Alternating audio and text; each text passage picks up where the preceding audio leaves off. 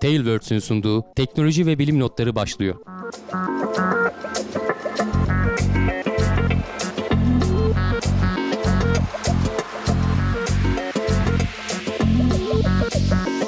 Teknoloji ve bilim notlarına hoş geldiniz. Ben Hamdi Kellecioğlu. Karşımda Cevdet Acarsoy var. Her hafta olduğu gibi.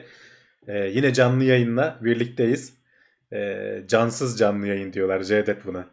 Vallahi evet öyle. Arada bir Can abi geldi. Arada bir gelip e, Can abi isteyenlerin gönlünü hoş tutacağız böylece. Hatta aslında sen de buralarda olsan da e, Can'ın da olduğu bir ara stüdyoyu denk getirebilsek. Aslında geçen hafta öyle bir denk gelme şansı vardı ama Can uygun değildi falan derken e, Evet. ayarlayamadık. Ben de ol- rahatsızdım biraz işte o hafta olmamamın sebebi o. Sonra Evet. o yüzden gelemedim e, stüdyoya ama buradan da olur ama işte şeyde korkuyoruz. Discord'da aynı anda üç kişi konuşunca kesilebilir, birbirimizin sözüne girebiliriz zaten öyle. Ya biz stüdyoda canlı programı yaparken bile birbirimizin sözünü ister istemez kesiyoruz. Aklımıza söyleyecek bir şeyler falan geliyordu. Ee, burada daha da zor olur dediğin gibi. Neyse, Bilimden heyecanlanıyoruz ya böyle. Hani Evet, evet. tutamıyoruz. Ee, duyurularımızı yapalım. Ee, sonra gündem maddelerine geçeriz. Ee, Evet. Teknoseyir'de Teknoseyir'e abone olarak bize destek olabilirsiniz. Ee, abone olmak önemli. Ee, teknoloji ve bilim notları gibi ve diğer e, programlar gibi e, desteğinizi sağlamanız bizim açımızdan çok önemli. Aynı şekilde Gelecek Bilim'de de abone olarak Twitch üzerinden e, o kanalında devam etmesine katkıda bulunabilirsiniz. Evet. Ee, zaten bir elin parmaklarını geçmeyecek kanallar bunlar değil mi? Özellikle hani teknoloji Doğru, yayını yapan. Ee, kanal çok tabii ona bakarsan bir yandan da düşününce ama e, teknoloji yayını Yani- yapan bu konuya gönül vermiş çok az sayıda var. E, desteklerinizi bekliyoruz. Aynen öyle. Ee, bir de Aykut Kence konferansı, evrim konferansı tekrar olacakmış. Onu da duyuralım. Tarihlerini şu an gel bulamadım. E, atmışlardı bana ama Hı hı. rica ettiler. Onu da duyuralım, paylaşmış olalım. Merakları zaten bakar, bulur tarihini de. Ee, söyleyelim. Ee, İstersen başlayalım hadi ilk haberle. Evet. Sürekli- Güzel bir haberle. Evet sürekli Konuştuğumuz bir haber. sürekli bize konuk olan bir haber. E, bu Japonya'nın e, Japon uzay ajansı JAXA'nın gönderdiği bir e, sonda vardı. Derin uzay sondası deniyor. Hayabusa 2. Siz zaten çok konuştunuz bunu. Hı hı. Ryugu göktaşına e, gidiyordu. Gitti. Oraya hatta bir böyle mermi gibi bir şey attı ve oradan e, yüzeyinden toprak e, ve iç yüzeyinden parçaların e, fışkırmasını sağladı, Hı hı. yükselmesini ve daha sonra onlardan örnek alıp iniş yapıp örnek aldı ve şimdi artık oradaki işini bitirip dünyaya geri döndüreceklermiş. 2020 gibi e, 2020'nin sonlarına doğru e, tekrar dünyaya varması planlanıyor ve Hı hı. ilginç bir şey. Yani çok ilginç. Bu kadar uzakta, o kadar küçük bir gök taşına insanlık olarak bir araç gönderebiliyoruz. Araç onun üzerine bir şey atıyor, iniyor, örnek alabiliyor ve Evet. geri geliyor. Gelebilirse tabii. Ve geldiğinde de dünyaya inmeyecek. Dünyanın yakınından geçip yani bayağı bir yaklaşıp e, şu anki bırakacağı nokta Avustralya'daki bir çöle e, bırakacağı düşünülüyormuş. Yani Hala geçerken geçerken üzerindeki yükü bırakıp geçecek. Ee, evet. Sonra da ve eğer devam edecekmiş tekrar. Başka bir yere Evet. de gitme ihtimali var. ya bir yakıt e, kalmış olacak diyorlar. Gene bir başka bir göktaşı hedeflerini almışlar. E, yüzeye inmeyecek tabii. O kadar yakıt yok ama onun yakınından Hı. geçip hani bir iki te- inceleme daha yapabiliriz. İyice artık e, suyunu çıkaralım hani sonuna Evet. kadar sıkalım elimizde ne varsa kullanalım diye. Ama mantıklı olan da bu zaten. Hani bir sürü böyle para yatırdığın, kaynak yatırdığın e, projeyi düşünürsen e, videosunu da oynatmaya başlayayım bir yandan unutmuşum. E, Evet. Dediğin gibi şey önemli. E, Ryugu görevi önemli çünkü bak ta 2013'te fırlatıldı galiba. E, oraya gitmesi 3,5 yıl mı 4 yıl mı ne sürdü? Ondan sonra işte y- yörüngesine girdim işte incelemelere başladım. Sadece şey de toplamadı. Birkaç tane küçük küçük problar da indirdi yüzeyine. Hı. böyle mekanik olarak hareket edebilen hatta yüzeyinde böyle hoplayıp zıplayarak hareket Evet. edebilen evet. E, en sonunda işte kendisi dediğin gibi bir e, patlayıcı atarak e, orada krater oluşturdu ki yüzeyin altındaki güneş ışığından falan hiç etkilenmemiş bölgelerden örnek alabilelim. O örnekleri de topladıktan sonra artık bugün itibariyle tam 18 Kasım diyorlardı ama hani saati tutturabildik mi bilmiyorum. Bugün itibariyle dünyaya doğru yola çıkacak. E, ama tabii çok daha kısa sürecek çünkü e, Ryugu ile dünya artık yaklaşmış durumda. Yaklaşık Evet. bir yıl hatta belki biraz daha kısa bir süre içerisinde e, dünyaya gelecek. Geçerken e, üzerindeki yükü bırakacak. Bakalım işte o başarılı olabilecek mi? Çünkü geçen sefer e, Hayabusa'nın ilk görevinde Hı hı. tam başarılı olamamıştı. Hem e, oraya gidişte e, bazı sıkıntılar oldu. İl- bağlantı koptu. Tekrar bağlantıyı sağladılar. İnerken işte malzeme toplamada sorun yaşadılar falan. En son hani dünyaya inerken de sorun oldu falan derken Hı hı. 1500 parçacık mı ne? Yani küçük böyle e, hani bir- böyle gramlar halinde sen beklerken 1500 tanecikten bahsediliyor. Yani e, Japonya'nın açıklaması oydu. O civarda bir taneciyi kurtarabildik dediler. Onu da hani böyle yıllar içerisinde test ederek e, hiçbir şekilde şeye bulaşmasın diye dünyadan herhangi bir kontaminasyon bulaşma olmasın falan diye çok dikkat ederek açtılar ama niye önemli? Çünkü e, gök taşları gezegenler gibi şeylerden etkilenmemiş oluyorlar. E, bizim özellikle dünyamızın üzerinde işte bu erozyonlar işte çeşitli organik faaliyetler falan derken e, çok değişiyor. 4,5 milyar yıl içinde gök taşları nispeten stabil kalıyorlar, sabit kalıyorlar. Bizim güneş Evet. sistemimizle ilgili ta en başından ne olmuş ne bitmiş haber vermiş olacak aslında. Hangi element vardı? Yani olacak. ne Evet. olmuştu? Dediğin gibi çünkü işte o bir iki animasyonu vardır bunun yani en azından şu anki teorilerde hani o e, birikme diski oluşuyor yıldızın etrafında veya işte birbirine çarpıyor ilk oluştuktan sonra kalıntılar da birleşip birleşip birleşip gezegenleri oluşturuyor. Düşünülen en azından e, hipotez bu ya da teori bu. Ama e, bazı parçalarda bu gezegenlerin etki alanına, çekim alanına girmeyip serbest dolaşabiliyor. Şimdi çok kıymetli. Çünkü gezegenin içerisinde o e, kütle çekimiyle ezilmiş, yanmış, belki kaç kere magma girmiş yani o siliniyor. Ama silinmeden o bilgi kalan, elementi değişmeden, işte basınca uğramadan dondurulmuş bir şekilde kalması çok kıymetli. O yüzden hani bu kadar fazla 270 milyon dolar zannediyorsam işte dolara çevirirsek Hı hı. 278 milyon dolarlık para harcayıp oraya gidiliyor ikinci kez. Gidiliyor ki oradan o bilgi alınsın. Ee, bu çok önemli. Evet. Ee, Amerikalıların da bir gelirse- görevi var şu anda. Bir başka göktaşının da onlar peşindeler. Hı hı. henüz Osiris daha miydi? galiba Osiris Rex görevinin ismi. Ee, göktaşının ismini şimdi hatırlayamıyorum ama e, gene hı. bir haberi gelir nasıl olsa ondan ayrıntılı Evet. konuşuruz. Onun özelliği gü- güneş sistemindeki en küçük cismin e, etrafında yörüngeye girebilmişlerdi. Bu şimdi göktaşları yanlı uyumlu bir şey bir şey. oldukları için bir standart hani ha- bildiğimiz yuvarlak yapıya sahip değiller. Kütle Hı hı. çekimi çok değişiyor. Bir de içerisindeki malzemenin yapısı da değişiyor. E, belli Hı hı. şeyler belli yerlere birikmiş oluyor falan. E, o yüzden dikkat etmek gerekiyor. Bunun da mesela e, Ryugu'nun da yüzeyinin beklenildiğinden daha taşlık olduğunu fark ettiler. O yüzden mesela çok dikkatli davrandılar. Üç kere alacaktı galiba e, parçacık ama iki kere toplayıp dönmeyi uygun buldular falan gibi e, Evet. durumlar söz konusu. Biraz çünkü git, uzaktan baktığın zaman göremeyeceğin kadar küçükler. Biraz gittiğin zaman e, anlaman gerekiyor. Zaten yörüngesine girdikten sonra bir yıl, iki yıl falan iyice böyle haritasını falan çıkarıyorlar. İşte Osiris Rex şu anda o aşamada. Hı hı. İyice haritasını çıkardıktan sonra falan yüzeye inip bir şeyler almayı deniyorlar. Bakalım yani e, her bir görev en az 10 yıl falan şey bekliyor. Hani bir sonraki görev eminim Hayabusa 3'te olacaktır. E, Evet. Ne bizde gö- şey tükenir, göktaşı tükenir güneş sisteminde. Tabii canım. Ne bizde de merak tükenir.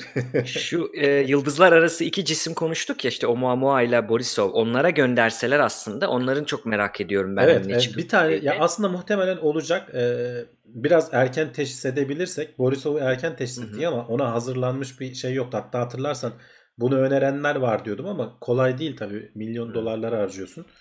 E, önceden aslında bir görevi hazırlayıp gene bulduğun zaman hemen o yörüngeye doğru fırlatılacak şekilde ortada bir yerde buluşacak şekilde ayarlasalar Evet. dediğin gibi bizim güneş sisteminin dışından gelen bir şeyi de ayrıntılı inceleyip örnek toplayabildiğimizi düşünsene çok ilginç bilgiler elde Çok ederdik ilginç. yani. Bu arada Ryugu ne demekmiş Hamdi abi biliyor musun Japonca'da? Ne demekti? Dragon Ee, e, yuvası mı öyle bir şeydi. Evet, E- e- ejderha ejderha, yuvası. sarayı, ejderha sarayı. sarayı. demekmiş. Onların bir işte hani bizim destanlarımız var ya onların destanında su altında kalan bir e, şehir, çok uzaklarda su altında Hmm. kalan bir şehrin adıymış. Hayabusa da e, Şahin ya da Doğan, Doğan görünümlü Ee, Şahin Şahin görünümlü uzay aracı. O da Hayabusa e, ismini de öyle vermişler. Güzel böyle şeyler aslında. Hani biz de kendi tabii, uzay tabii. e, şeylerimizde, uzay görevlerimizde verebiliriz. Çünkü insanlara e, helikoptere- kalıyor bu. Helikoptere Gökbey ismini vermiştik en son. Ee, Gökbey evet. İ- Ama bak mesela garip geliyor. Düşündüğün zaman ya Gökbey ne falan diyorsun ama hani İngilizceye çeviriyorsun Skylord oluyor mesela. Yani Tabii daha e, şey daha böyle oturaklı geliyor değil mi? Halbuki Evet, alışmadığından evet, evet. aslında. Ee, ne bileyim Şahin desen dalga geçerlerdi şimdi bununla. Adam bizde Hayabusa tabii tabii. Belki Japonlar da dalga geçiyor bu arada. Hani dü- bütün dünya Yok bizde Şahin dalga geliyor da- geçmelerinin sebebi arabayı andırması biliyorsun onun kalitesizliğiyle ünlü araba söz konusu Doğru. olduğu için. Doğru. Bu gitmez falan derler ya. Biz Şah- Şahin koysak aman aman bu hani e, yolda parçalanır Ya aslında diyebilirler. evet yaptıkça alışacaksın aslında. Evet, Bilmiyorum ben şeyi beğendim yani Gökbey ismini beğendim açıkçası düşününce. tabii. Ya bazı hani e, göktaşı mesela bazı güzel işte mesela pulsarlara atarca denmesi. Hmm. Bunlar çok hoş, güzel çeviriler. Tamamen kullanıma bağlı oturuyor. E bizde tabii bir de Hamdi abi kısa olması lazım. Kısa ve kolay söylenir. Tabii tabii hani canım. Şimdi e, haklı olarak eleştiriler geliyor bize veya başka işte YouTuber'lara, yayıncılara. Ee, bak YouTuber bile dedim hani YouTube'cu demedim. İşte o hıza hızlı konuştuğun zaman ve aklında o bütün eğitiminde onun İngilizcesini gördüğün zaman ya da dünyada kullanılan versiyonunu gördüğün zaman onu söyleyiveriyorsun. Kolayına Evet. geliyor akışı bozmamak için ama e tabii daha kolay mesela işte atarca derim. Niye pulsar diyeyim şimdi? Kolay çünkü.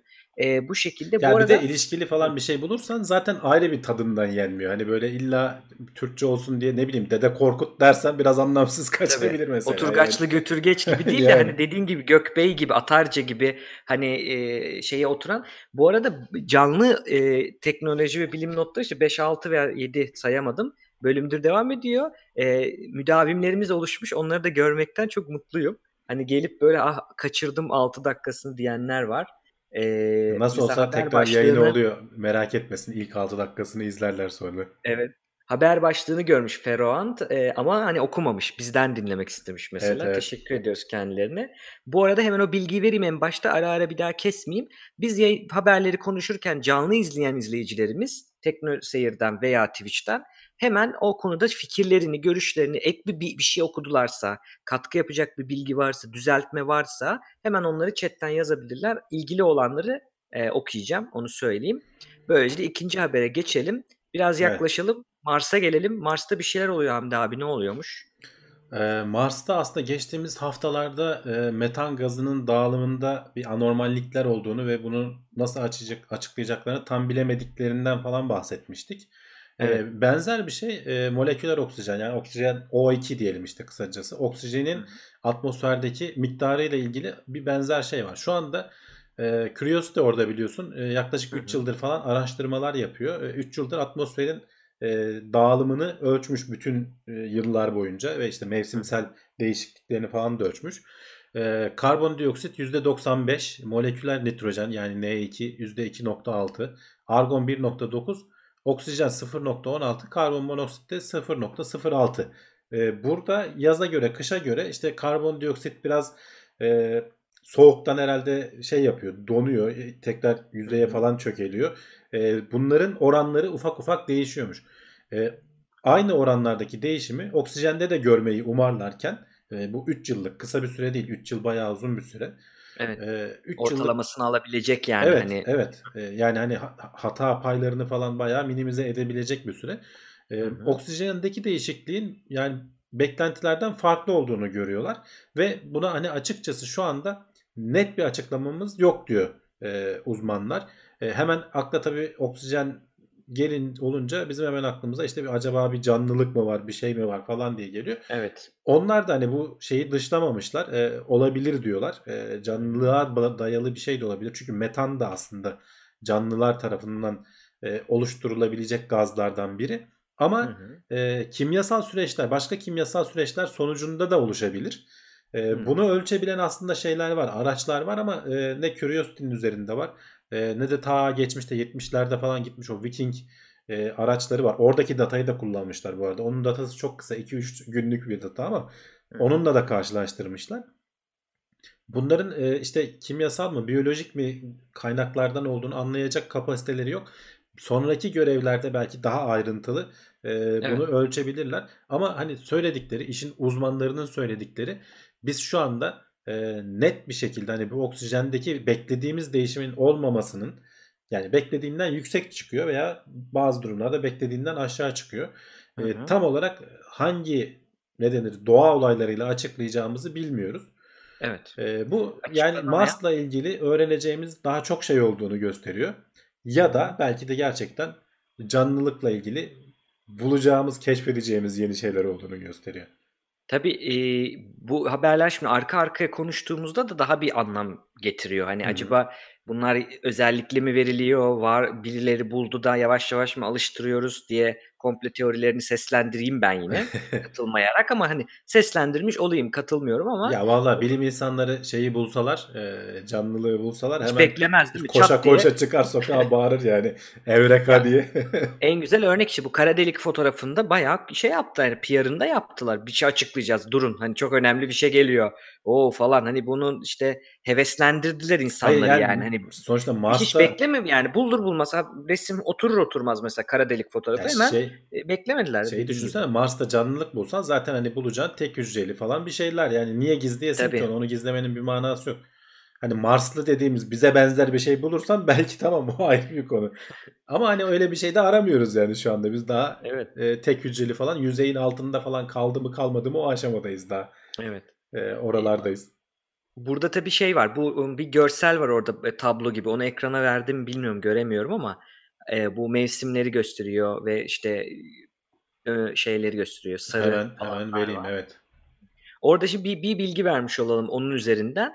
Bizim istatistikte outlier dediğimiz şeyler var. Yani uç değer. Şimdi siz bekliyorsunuz, bekliyorsunuz bir akış şeklinde işte bir çizgi. Bunların ortalamasını alıp bakın bir çizgi oluşmuş. İşte bahardan yaza gidiyor böyle bir yükseliyor, alçalıyor. O değerler de onlara uyuyor. Siyah değerler Hı hı. e, noktalar ona uyuyor. O noktaların etrafında da böyle çizgiler görecekler. Onlar da e, sapmaları. Hani o nokta ama o çizgiler arasında değişiyor. Ortalaması o nokta. Tamam güzel. Bütün tahminlerime uyuyor. Ama o sarıyla işte, e, daire içine aldıkları alanlara aslında biz istatistik evet yani yaza Aynen. doğru beklentiden daha fazla artması ve kışında beklentiden daha fazla azalması. Şu iki bölge Evet. değil mi? Bunlara outlier diyoruz. Uç değer diye çeviriyor. Ben bunu arkadaşlarıma anlatırken üniversite içerisinde Sabri Sarıoğlu diyordum bunlara. Böyle aykırı hiç kafasına göre giden değerler diyordum. Akılda bak hala kalmış aklımda. Akılda kalıcı. Yani hiç ala- olayla alakası yok. Böyle değerler çıkabiliyor. Bunlara çok dikkatle yaklaşmak lazım. Çünkü mesela bir ölçüm yapıyorsun Hamdi abi. O anda o elektrot işte mesela EEG çekerken biz elektrot temassızlık yapıyor veya bir başka bir sinyalden etkileniyor. Deli gibi artıyor. Genelde bunlar bir veya iki tane olunduğunda bunları atarlar. Hı hı. Büyük ihtimalle de burada da öyle oldu aslında onu söylemek için anlattım. Hani ama arttıkça bunlar yani gördükçe hayır burada da başka bir şey var yani daha Tabii. farklı bir tablo var. Ya tek E, tük onu olsa dediğin gibi hani istatistiğin genel dağılımını bozmasın diye atarsın. Evet. Ee, orada bir yani bir hata sebebini olmuş falan bulamıyorsun ama hani diyebilirsin. Evet. outlier çıktı mı bizde onun sebebini bulacaksın. Hani neden çıktı? Hani hakikaten çünkü e, az az sayıda örnek bu 3 yılda alınmış örnek. Hı hı. Hani bizde de diyelim ki 5 kişiyle yapıyorsun deneyi. Hani somutlaştırması için örnek vereyim. Bunların arasında bir tane bile artış e, belki çok önemli olabilir. Hata değil, gerçek bir değer olabilir ve bana Evet. gözümden kaçan bir noktayı gösteriyor olabilir. E, o Ama mesela bunu şeyde düşünürsen insanları- bin tane ölçüm aldıysan ve bir tanesi o zaman daha e, evet. şey yapıyorsa e, normalin ortalamanın bayağı dışında kalıyorsa diyorsun ki ya burada bir hata oldu. Ben bunu Hı hı. atayım kenara. Almayabiliyorsun ortalamayı. Aynen. Aynen öyle. O mantığı göstermek için hani onu söyle, söylemek istedim. Hı hı. Ee, bu haberimizde ilginç. Daha da bununla ilgili konuşacağız gibi duruyor Mars'la ilgili. Bir sonraki habere geçelim. Yine uzayda dolaşıyoruz uzaklara. Bu sefer de Venüs'e gidelim. Ee, Evet. Şimdi Venüs'ün Venüs'e görevler yapılmış eskiden. Ee, bu özellikle Sovyetler Birliği'nin yaptığı çok görev var. Hatta fotoğrafını da yollamış en Venera mıydı görevlerin ismi Galiba. şeydi. Evet. Çok ilginç. Orası çok merak edilen ve böyle e, egzotik gelen bir e, gezegen. Çünkü metan ağırlıklı yanlış bilmiyorsam çok e, e, cehennemvari diye tanımladıkları Evet bir evet. atmosferi Yani şey var. sadece metan değil, sülfürik e, asit vesaire falan hani atmosfer dedin dünyanın falan birkaç katı kalınlığında bir atmosferi var. Kalınlık derken Evet. yoğunluk anlamında söylüyorum. E, ve basınç falan çok yüksek, sıcaklık çok yüksek. Yüzeyde Hatta işte Rusların falan en uzun dayanabilen e, işte o araçları 6 saat mi dayandı, 8 saat mi dayandı öyle bir şey yani yüzeye çoğu Tabii. yüzeye inerken e, dayanamayıp yanıp sonuç vermeden yok oluyordu. Hı. E, o yüzden de oraya pek fazla inceleme yapılmadı şimdiye kadar. Zaten Evet. bu işte önereceğimiz önerilen e, incelemelerde yeni araçlarda e, haberdeki konu olan araçta üzer yü- yüksek katmanlardaki e, bulut tabakalarının üzerinde araştıralım. Çünkü oralar dayanabileceğin e, basınç ve sıcakta kalabiliyor. Evet. Biz hatta Can'la geçmişte şey konuşmuştuk. Ya Mars'ta koloni kurmaya uğraşacağımıza e, Venüs'ün bu katmanlarında yüzen balonlarla falan yapılmış Evet, koloniler evet. kurabiliriz falan gibi. E, çok daha mantıklı olur, çok daha kolay olur diyenler vardı. E, biraz tabii ayağı yere basmadığı için bizim genelde insanların hoşuna gitmiyor böyle şeyler. Ama Çok hayali değil mi bu? Ya tabii canım yani düşünsene o balonlara bir şey olduğunda falan. Ya tabii ki hani bunlar test edilmeden kimseyi oraya göndermeyeceklerdir falan ama Tabii. e, gene de insan yani şöyle bir toprağa basacak ayak yani bir ona alışmamışız. Onu avantajına yani o kadar yoğun olduğu için bir izleyicimiz de basınç çok fazla demiş. Ee, Evet. Merkava. De, yani 90 PSI demiş ama onu bilmiyorum. Hani kaynaklı bir şey değil söylememeyeyim ama hani çok fazla basınç, çok zor bir ortam ama bunu işte bilim insanları avantaja nasıl çeviririz? Tamam Evet. madem çok yoğun deniz gibi görüyor aslında atmosfer değil bayağı bir e, bir metan denizi gibi görülüyor. Çünkü o kadar yoğun o yoğunlukta yararlanmak için acaba diyorlar hani balon e, yapıp sabit bir gözlem istasyonu mu kursak dediğin gibi. Bu da da vatozlardan esinlenmişler. Çünkü Hı hı. vatozlar da aslında görürlerse belgesellerde görmüşler. Hani Şimdi ben ekrana görüntü getireyim hemen. Heh. Hazırladım. Şimdi suyun içinde onlar uçar gibi gidiyor. Su da öyle bir ortam, yoğun bir Evet. ortam. A- Aynı uçma hareketiyle kanat çırpar şeklinde gidiyor. Bunlardan esinlenen aslında bir şey. Tabi burada tek e, tasarım bu değil. Bu bir tasarım genelde bunu yapıyor NASA e, veya diğer oluşumlar. Bir yarışma açıyor. Hadi gelin bakalım en iyi tasarımları yollayın. Buradan birçok güzel tasarım ortaya çıkıyor ama seçtikleri anladığım kadarıyla e, bu vatozlardan esinlenen e, durum ve içerisinde bir elektro e, elektrik verildiğinde e, kendini kısaltan veya uzatan kasvari, yapay kasvari Evet, tam anlamıyla e, yapılar değil mi? yapıyorlar değil mi? Evet. E, bu liflerle öz- bu yeni bulundu yani çok bir 5 yılı falan var diye Ya biliyorum. zaten şey yapması çok şu kanat hareket çırpma yapıyor. hareketini yapması mekanik olarak çok kolay bir şey değil. Ee, o yüzden uçaklarımız falan çoğu hani bu, bu, tarz bir şey yapılmamış. Hı hı. Ama işte sen yeni te- nesil teknolojilerle falan bunu sağlayabiliyorsan ve verimliliği daha fazla oluyorsa eğer yoksa Hı hani illa böyle kanat çırpacağım diye hevesle kasmana gerek yok yani. Balonuna da koyarsın. Evet Tabii. yani onu hesabını yapacaksın işte. Verimliliği daha iyi oluyorsa bu tarz bir araç e, oranın yüzeyinde e, atmosferin işte o üst katmanlarında uçarak e, Tabii. uzun süreli araştırma yapabilir. Evet. Elektrikli Burada olması tabii- planlanıyor tabii. E, Evet. güneşin e, olduğu zamanlarda aydınlık tarafından geçip e, kendini şarj edecek. Hı hı. 3-5 günde mi ne dolaşacak diyorlar bütün gezegenin etrafını. Tabii. 2-3 günde şarj olacak. Geri kalan 2-3 günde de işte o şarjı kullanacak. Tekrar aydınlığa ulaşacak. E, Venüs'ün ilginç bir şeyi var Cevdet. E, Hı hı. kendi etrafında dönme süresi e, güneşin etrafında dönme süresinden daha uzun. Dolayısıyla ee, biri 250 248 gün mü, biri 225 gün mü ne? Yani 20 gün falan fark var. Kendi etrafında çok yavaş dönüyor.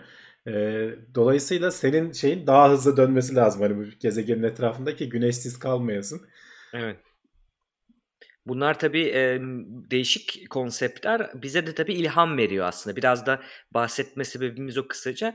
E, bu elektrikli kas e, konsepti kavramı güzel bir kavram. Hı hı. E, bir de zaten süzülen hani ya balon ya süzülen e, sistemde yapmaları kendiliğinden e, yüzebilecek durumda olduğunu düşünüyorlar Tabii bu şey değil bu arada. Hani Venüs'ten bahsettik ama mesela Güneş sisteminde başka gezi şeyler de var. Ziyaret edilecek bölgeler de işte Titan var mesela. Ee, Evet. Orada da işte metan denizleri falan var. Canlılığın olma ihtimali yüksek olan yerlerden biri Güneş sisteminde.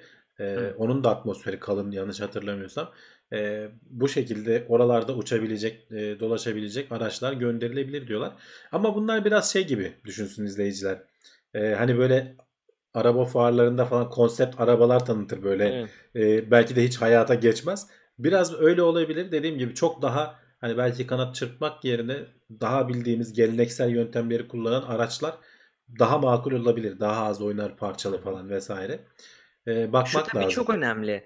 E, bilim insanlarına bu em, hayal gücü alanını yaratmak ya da ona izin vermek. Hani sürekli em, pratik değeri olan bir şey yapacaksın, icat edeceksin değil de arada bir de tabii bilim kurguya kaçmayacak ama hani ayakları yere basan ama dediğin gibi konsept tasarımlar böyle daha hı. kavramsal tasarımlar üretme e, özgürlüğü vermesi bir kurumun, üniversitenin. Bunlar aslında çok çok önemli noktalar. Çünkü buradan adam başka bir şeyi bulabiliyor. Oradan bulduğumuz çok başka yani bilim tarihi bunlarla dolu. Geçen de yapmıştık ya konuşmuştuk 12 tane örnek. Çok başka bir alan araştırırken başka bir çok büyük bir çığır açan e, bilim alanları ve o, o e, hayal gücünün rahatlıkla akmasına izin vermesi lazım. Evet. Bu arada izleyicimiz bulmuş 1134 psi.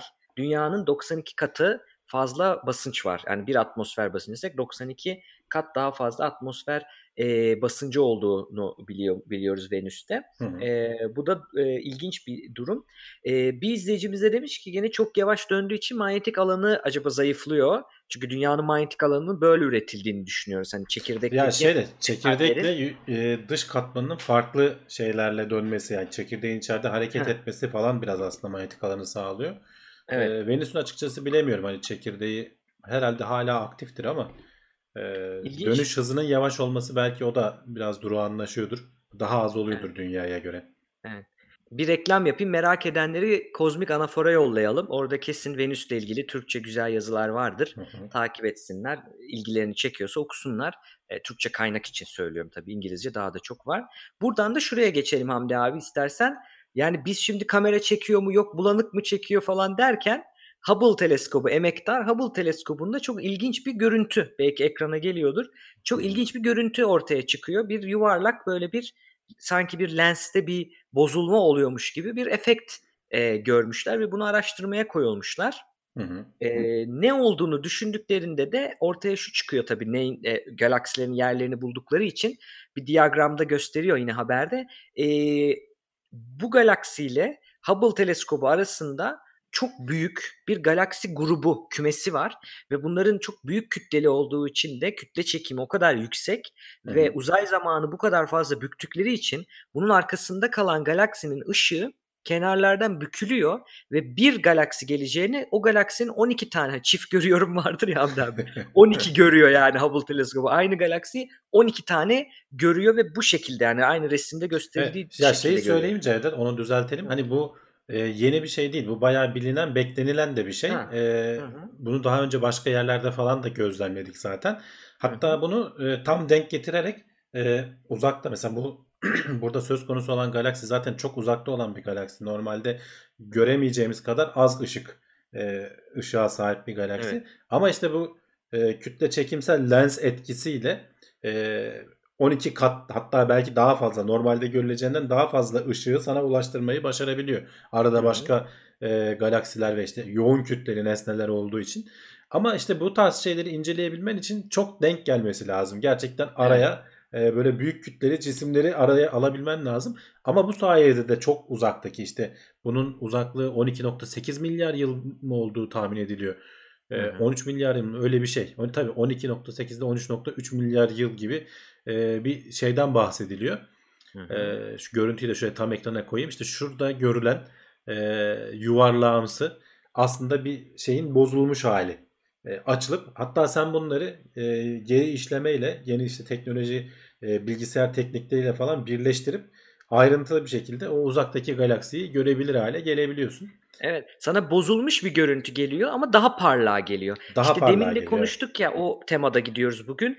Bilim insanı olmak ya da herhangi bir insan hani bilimi gündelik hayatına uygulamak için mesela Celal Şengör'ün Atatürk'le ilgili e, hip- hipotezlerinden biridir yani hani bi- bilimsel yöntemi kullanarak kurtuluş mücadelesini yönetti, yönettiğini söyler. Bunun gibi gündelik hayatımızda da e, bakıldığında da kullanılabilecek bir şey bu şu demek. Var olan elinde kötü bir şey var. Bunu nasıl avantaja çeviririm? Bilim insanları da hep böyle oluyor. Yani aa bir etki var. Bu da bozulmuş bekleyelim de geçsin demiyor da hani aslında baktığında düz- düzgün göreyim demiyor da bu bozulmadan ne elde edebilirime bakıp e, bilgisayar e, kullanarak da tabii algoritmaları kullanarak da o bozulmuş ama parlak görüntüden çok güzel detaylı e, bilgiler alabiliyorlar. E, müthiş bir şey. Müthiş bir e, Evet. beni büyüleyen bir Ya nokta bu. bunun Einstein'ın işte zaten aslında e, ilk Daha e, önceden söylediği gözlemlediği şey e, deniyorlar onun e, hayatın şey yaşamının e, yaşa hayattayken de deniyorlar bunu zaten. evet. E, Nobel ödülünü falan da galiba yanlış hatırlamıyorsam öyle oluyor. Güneşin etrafında normalde bir yıldızın olması gereken yeri biliyorsun. Güneşin onu ne kadar bükeceğini biliyorsun. E, hatta şeyden huylanıyorlar da bunu açıklayamıyorlar. Merkür'ün yörüngesindeki sapmalardan e, normalde beklenilenden e, farklı oluyor. Güneşin e, işte bu e, şey etkilerinden, e, uzay zamanı bükme etkisinden. Evet. Güneş tutulması bekliyorlar ama o güneş tutulmasını iki ayrı yerde gözlemlemek gerekiyor. Biri galiba okyanusta açılıyor ve oradan gözlemlediklerini çünkü biz şey zannediyoruz hani Einstein 1915'te yazdı makalesini ve bir anda değişti. Öyle bir şey değil. Neler diyorlar adama? Hani çünkü diyorlar ki bir kere referans yok Ya makalesinde. bir kere zaten şöyle düşün. Yani şimdi adamın Çok hesapları falan aslında hani tamamen hayal gücüne ve mantığa dayalı aslında e, şeyleri. Gözlemlemediğin zaman atıyor bu adam Evet. demeleri o kadar kolay ki. Yani E, tamam çok güzel evet kurduğu matematik falan çok mantıklı geliyor belki ama hiçbir şeyi gözlemlemezsen bunun bir anlamı yok. İşte en elle tutulur gözlemi de 1915 yılıydı galiba yanlış hatırlamıyorsam o güneşin kenarındaki e, kenarından geçen yıldız ışığının büküldüğünü Güleceği. Evet. göstermeleri. Orada da gerçi küçük bir şey atlatıyorlar galiba ilk denemelerinde. Çünkü bir yandan da savaş var. Ee, savaş zamanı falan gitmek gelmek falan şey oluyor. İlk denemelerinde bir hesap hatası yapıyorlar. Ee, onu yayınlamadan son anda mı kurtuluyor? Öyle bir şey oluyor. Sonraki Evet. denemelerde falan ortaya çıkıyor. Asıl ee, doğru oldu.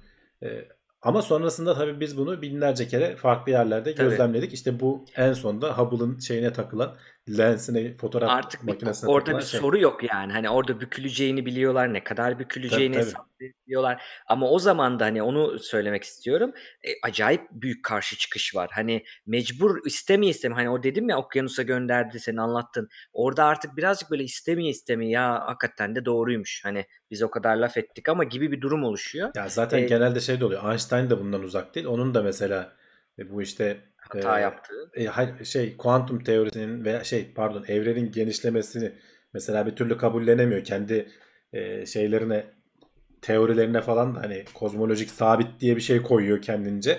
Hı. Halbuki evreni genişlese ben genişlettiğini düşünse e, bu kozmolojik sabiti kaldırabilecek. Ama mesela ona bir türlü kafası yatmıyor. Ya evren stabil Evet. olmalı falan mantığından hareket ettiği için en büyük hatam falan diyor galiba ömrünün sonlarına doğru. Hiç- Yani kolay değil böyle bilimde- şeyleri değiştirmek. Evet.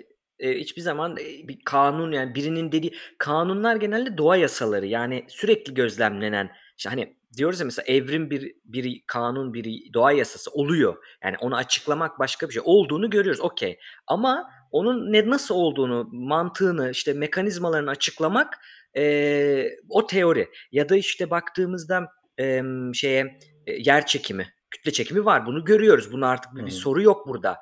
Gerçi o da çıkar şimdi. Yani düz dünyacılar çıktıktan sonra o da çıkar da hani var ama bunu açıklayan Newton açıklıyor. Daha sonra Einstein daha iyi açıklıyor. Sonra Einstein'dan daha iyi açıklanıyor. Dediğimiz gibi bu anlattıklarımızda tabii biz tarihleri unutuyoruz. Chat'ten yazsın arkadaşlar. Hani canlı olmanın gücünü kullanalım. Seyirciyi arkamıza alalım. Onlar yazsın bize. Ya şey çok da önemli değil canım. Tarih bizim ortaokul tarih derslerindeki gibi böyle İstanbul 1453'te fethedildi falan. Evet. Mantığını anladıktan sonra tarih işte 1910'larda, 15'lerde, 20'lerde o Evet. civarlarda. Yani Einstein'ın da bu bu etkiyi de gö- dediğin gibi. Ben bunu mesela daha yeni zannediyordum. Bak onu bilmiyordum. Ee, onu söylemen iyi oldu ama çok de ilginç bir etki. Onun için haberlerimizi alalım. dedim. Kütle çekimsel mercekleme de deniyormuş evet. buna. Ee, bir sonraki habere herhalde istiyorsa yavaştan geçebiliriz. Geçelim. Biraz benle ilgili bir haber. Mesleğimle alakalı bir haber. Ee, sulara karışan antidepresanların balıkların davranışlarını özel bir tür balık üzerine yapılmış balıkların davranışlarını etkilediği ortaya çıkmış. Evet. Biz Ee, aslında bunu e, konuştuğumuzu hatırlıyorum ben Can'la. E, balıklar üzerinde değil de sulara karışan bu işte antidepresanların kullandığımız ilaçlar, başka ilaçlar da aynı benzer etkilere sahip. E, Hı deniz canlıları üzerinde bayağı etkili olduğu söyleniyordu ama burada araştırma sonuçları da var. İstersen sen biraz bahset. Neler yaşıyormuş Evet. bu hayvancıklar? Şimdi burada bir e, maddeye odaklanmışlar. Fluxetin çok yaygın Prozac adında ticari adı Prozac. E, madde asıl etken madde de Fluxetin. Çok kullanılan işte SSRI diye de bilinen bilerek söylüyorum ki hani araştırmak isteyenler hani niye İngilizce söylüyorsun diyorlar bilerek hani bakıldığında araştırıldığında görülsün SSRI grubu bir e, antidepresan ve çalışma sistemi bir serotonin azlığında, yokluğunda veya serotonin öteki nöronu uyarmadığında ortaya çıkıyor bazı semptomları depresyonun. Tamamı da değil. Bunu işte kurtarmak için ya serotonin miktarını arttıracaksın ya da şunu yapabilirsin. Nöronlar arasında o sinapslar arasında bırakıyor serotonini. Öteki tarafa bağlanıyor, uyarıyor. İşi bittiğinde de geri alınıyor ve tekrar o parçalanıp başka bir şey için kullanılmak üzere metabolize ediliyor tamam mı? Yani atılıyor serotonin bağlanıyor bu tarafı uyarıyor mutlu olunuyor neyse. Hı. Daha sonra oradan ayrıldığında o boşluğu temizleyen hücreler var. Sadece nöronlar yok çünkü beyinde. Başka çeşitli hücreler de var. Onlar onu toparlayıp geri alıyor. Şimdi bunu geri alımını önleyen bir madde bu fluxetin ya da işte o grup. Bunu önlediği zaman ne oluyor? O serotonin o aradaki sinaps boşluğuna fazla kalıyor. Fazla kaldığı için de çok uyarıyor. Hı. Şimdi bu mekanizma sadece insanlarda değil başka hayvanlarda da çalışıyor. Bu önemli bir nokta Yani aslında. yapılar Biz aşağı bunu- yukarı benziyor çünkü zaten. Evet yani onlarda da çünkü serotonin onlarda da kullanılıyor. Çok bir beyin hormonu bu. Hani sırf biz bunu mutlulukta biliyoruz ama yerine göre hani neredeki serotonin hep onu sorarım ben. Böyle Hı hı. söylenir şey derler işte çikolata yemek serotonini arttırarak mutluluğunuzu sağlıyor. Tamam da hep şu soru geliyor. Şimdi bunu biraz az çok bilen bir insan olduğunuzda şunu sor. Hangi neredeki serotonin? Hı. Yani çünkü belli bir yerdeki serotonin de ne bileyim bir kasın kasılmasına da yol açabilir. Anlatabiliyor muyum? Hani Hı hı. e, durumuna göre nereye kullanılıyor. Şimdi burada onu yapmışlar ve balıkları iki gruba ayırıp e, biraz kontrollü bir deney. Açık açık denizde nasıl olacağını bilmiyoruz. Ama bu gruba ayırıp birine daha ağırlıklı böyle fluxetin işte antidepresan yoğunluğu olan bir suda, birine orta derece, birine de az derece böyle bir ayırmışlar. Ve şunu merak etmişler. Şimdi bu balık türünde öyle bir durum var ki Hamdi abi. e, Aç kaldığında e, vücut kitlesi yağı azaldığında daha saldırgan oluyor avlanmak için doğal olarak. Bunu da tabii grup çanak yapıyor. Yani yarışıyor diğer sürüyle. Bunu biliyorlar. Şimdi bunu aldıklarında çok ilginç bir durum. Antidepresanın çok olduğu gruptaki balıklar yağ oranı az olsa bile bu yarışa girmiyor. Böyle Hı. bir yarış yapmıyor. Aman diyor ölçmüşler. dünyayı Aynen. levleyim diyor. İnsanlarda yaptığı etki gibi okuyunca o geldi aklıma. Ama ne avlanacağım ya diyor. Ha, Az yani. yerim diyor. Geçiyor yani. bir lokma bir hırka yaşıyor. Aynen hiç orada takılmıyor yani hani doğru bir benzetme olur mu bilmiyorum. Tabii burada tabii bir nokta var onu unutmayalım hep söylüyoruz. Bu güzel bir deney korelasyon değil güzel bir deney fakat bu yapılan çok kontrollü ve çok bir noktada gözlemlenen ilk örnek. Bunların çoğalması lazım Hı hı. ve başka balıklara başka türlü mü etki ediyor bunun da görülmesi lazım. Bir de şunu söylüyor araştırmacılar bu balığın avlanmama sebebi çok başka bir şey de olabilir. Bizim kontrol edemediğimiz. Yani sen kafanda diyorsun ki iki tank birbirinin aynısı. Belki de değil ama. Hani öteki tank ne bileyim bir ışığa yakındır. Oraya balıkları sen rastgele ayırdığını düşünüyorsun ama belki de rastgele ayırmadı. Denk geldi oradaki balıklarda bir bozukluk vardı. Bunları bilemediğimiz için çok kuvvetli değil bu sonuç. Ama bize şunu düşündürüyor. Dikkat etmek lazım. Bu haberi o yüzden aldım aslında dediğin gibi. Hani daha önceden biliyoruz ama Hı hı. şuna dikkat etmek lazım. Dünyada ve Türkiye'de bilenler varsa yazsın ben bilmiyorum. Ee, Amerika'da varmış onu da yeni öğrendim. İlaçların geri toplandığı bazı organizasyonlar veya devlet kurumları var. Yani evinizde tarihi geçen kullanmadığınız ilaçları çöpe atmayın.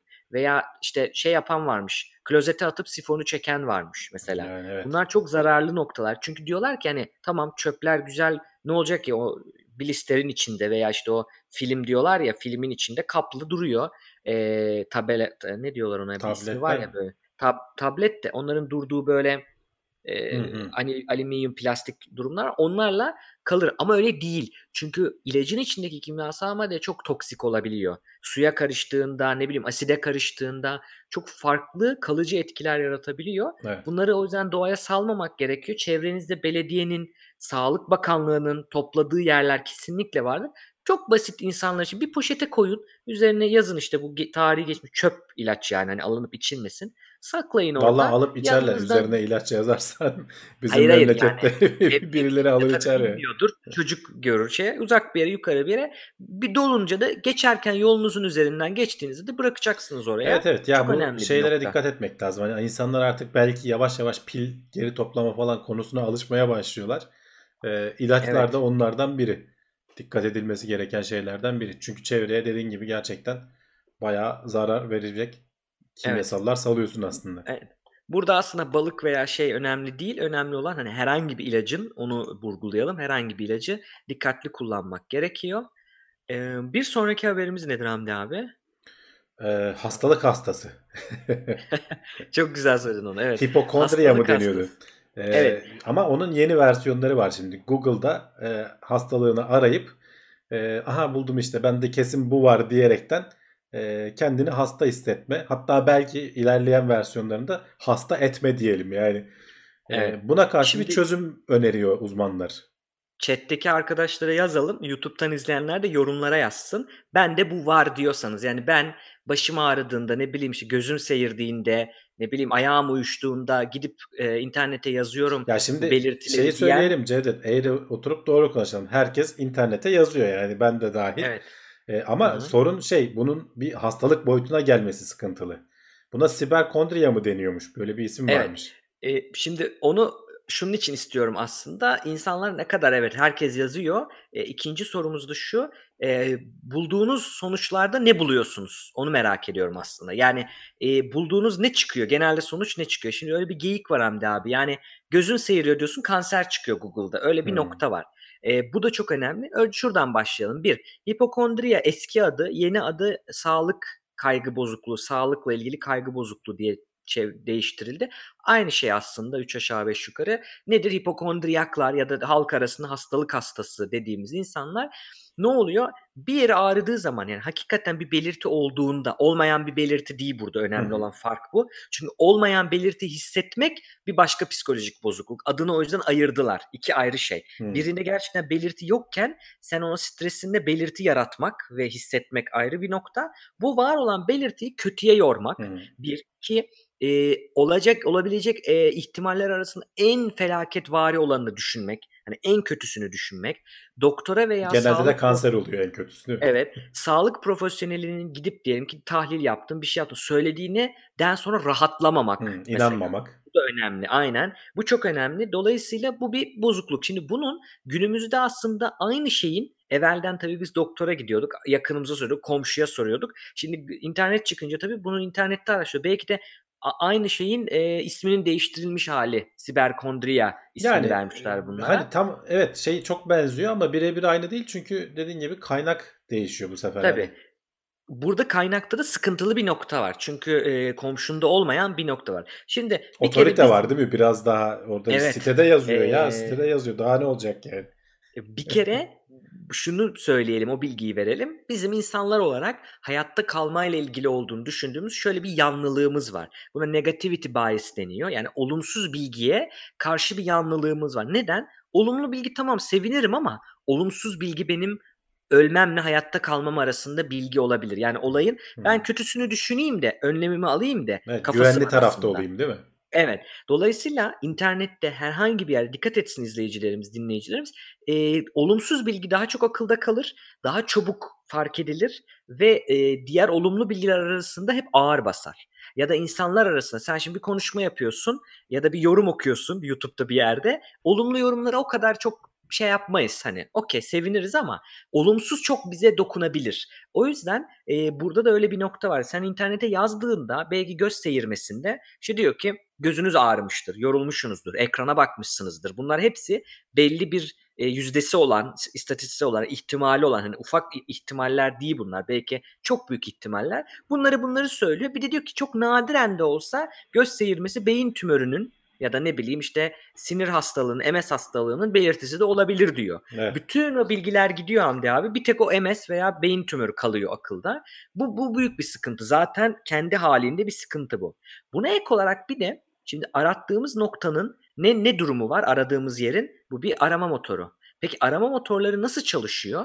Arama motorları en çok e, tık alan ve en çok insanı çeken, basitçe anlatıyorum tabii sen daha iyi bilirsin o hani altta Onu yatanı kesin ama olarak kimse bilmiyor. tabii kimse bilmiyor ama hani basitçe senin aradığını sana çabuk çıkaran ve daha çok Evet. insanın aradığı bilgiler önce geliyor veya sorunu bile tamamlayabilir. Sen belki mesela göz seyirmesi yazacaksın. E, Google seni diyor ki kanser yapar mı diye tamamlıyor mesela. Tamamlıyor, Hemen o soru geliyor aklına. Daha sen Dolayısıyla- aramayı yapmadan zaten şeyi alıyorsun, zehri alıyorsun yani. yani. Zehri alıyorsun. Bunu anlamak çok önemli bir kere. Hani böyle bunu buna sahip olan insanlar bir kere nereden anlayacaklar? Hemen söyleyelim. Dört maddesi var bunun. Çok arıyorsunuz. Hani aradım geçtim değil. Çok arıyorum. İki, aklıma o hastalıkla ilgili ağrı mağrı geldikçe tekrar tekrar açıp bakmak, kendini durduramamak. Hı hı. Üç, aldığın bilgiden daha da kaygılanmak. Yani ah bende kanser mi var gibi daha da kaygı yaratması sende. Dört de bu kaygıdan ötürü senin gündelik hayatının etkilenmesi. Bunu ben zaten hep söylüyorum. Hı. E, Tanıdık gelecektir. Gündelik hayatının, arkadaş çevrenin, iş hayatının etkilenmesi. Yani dalıp mesela toplantıda veya derste ya bende acaba kanser mi var ya falan gibi düşünmek. Şimdi bunlar varsa ne yapabilir izleyicilerimiz öncelikle? Bir kere ne aradığınıza dikkat edin. Yani ben ne arıyorum? Bulduğum şey ne? Bulduğum nokta nereden aldım bunu? Kenara bir yere yazmak bunu, bir not tutmak. Çünkü uçuyor bunlar, kafada uçuyor. Neden not diyorum biliyor musun? Nota çünkü sen şey de yazacaksın. Ee, olumlu hani göz seyirmesi, tekrar örnekten verelim. Göz seyirmesi, e, göz yorgunluğu olabilir, boyun Hı. yorgunluğu olabilir. Ekrana çok bunlar da duruyor. Sırf kanser durmayacak. Ama yazmazsan aklında tek kanser kalıyor. Bunu biliyoruz. Hı. İkinci madde dediğim gibi nasıl çalıştığını bul. Çünkü clickbait'lere göre çalışabilir. Şimdi şöyle düşün. Birisi sence çıkan aramada kanser yapabilire mi tıklar? Yoksa göz yorgunluğu işte ekrana bakmaktandır yazana mı tıklar? Tabii. Tabii ki kansere tıklayacak. O da onu öne getiriyor. O ta- çok sonuç çıkarıyor. Üçüncü ve çok önemli bir madde. Geçen hafta da bunun konuştuk, örneklerini verdik. Ee, doğru sitelerden bakmak. İngilizceniz varsa mesela Mayo Clinic diye bir site var. Bir, bu bir kliniğin kendi sitesi. Hı. Wikipedia açabiliyorsanız, bakabiliyorsanız. ee, duruma göre tabii. Yani daha çok böyle bir ya bir e, hastanenin araştırma kurumunun sayfası olmalı veya bir e, devlet sayfası hani gov'la biten sayfalar olmalı. Bunlara Hı. dikkat etmeleri gerekiyor.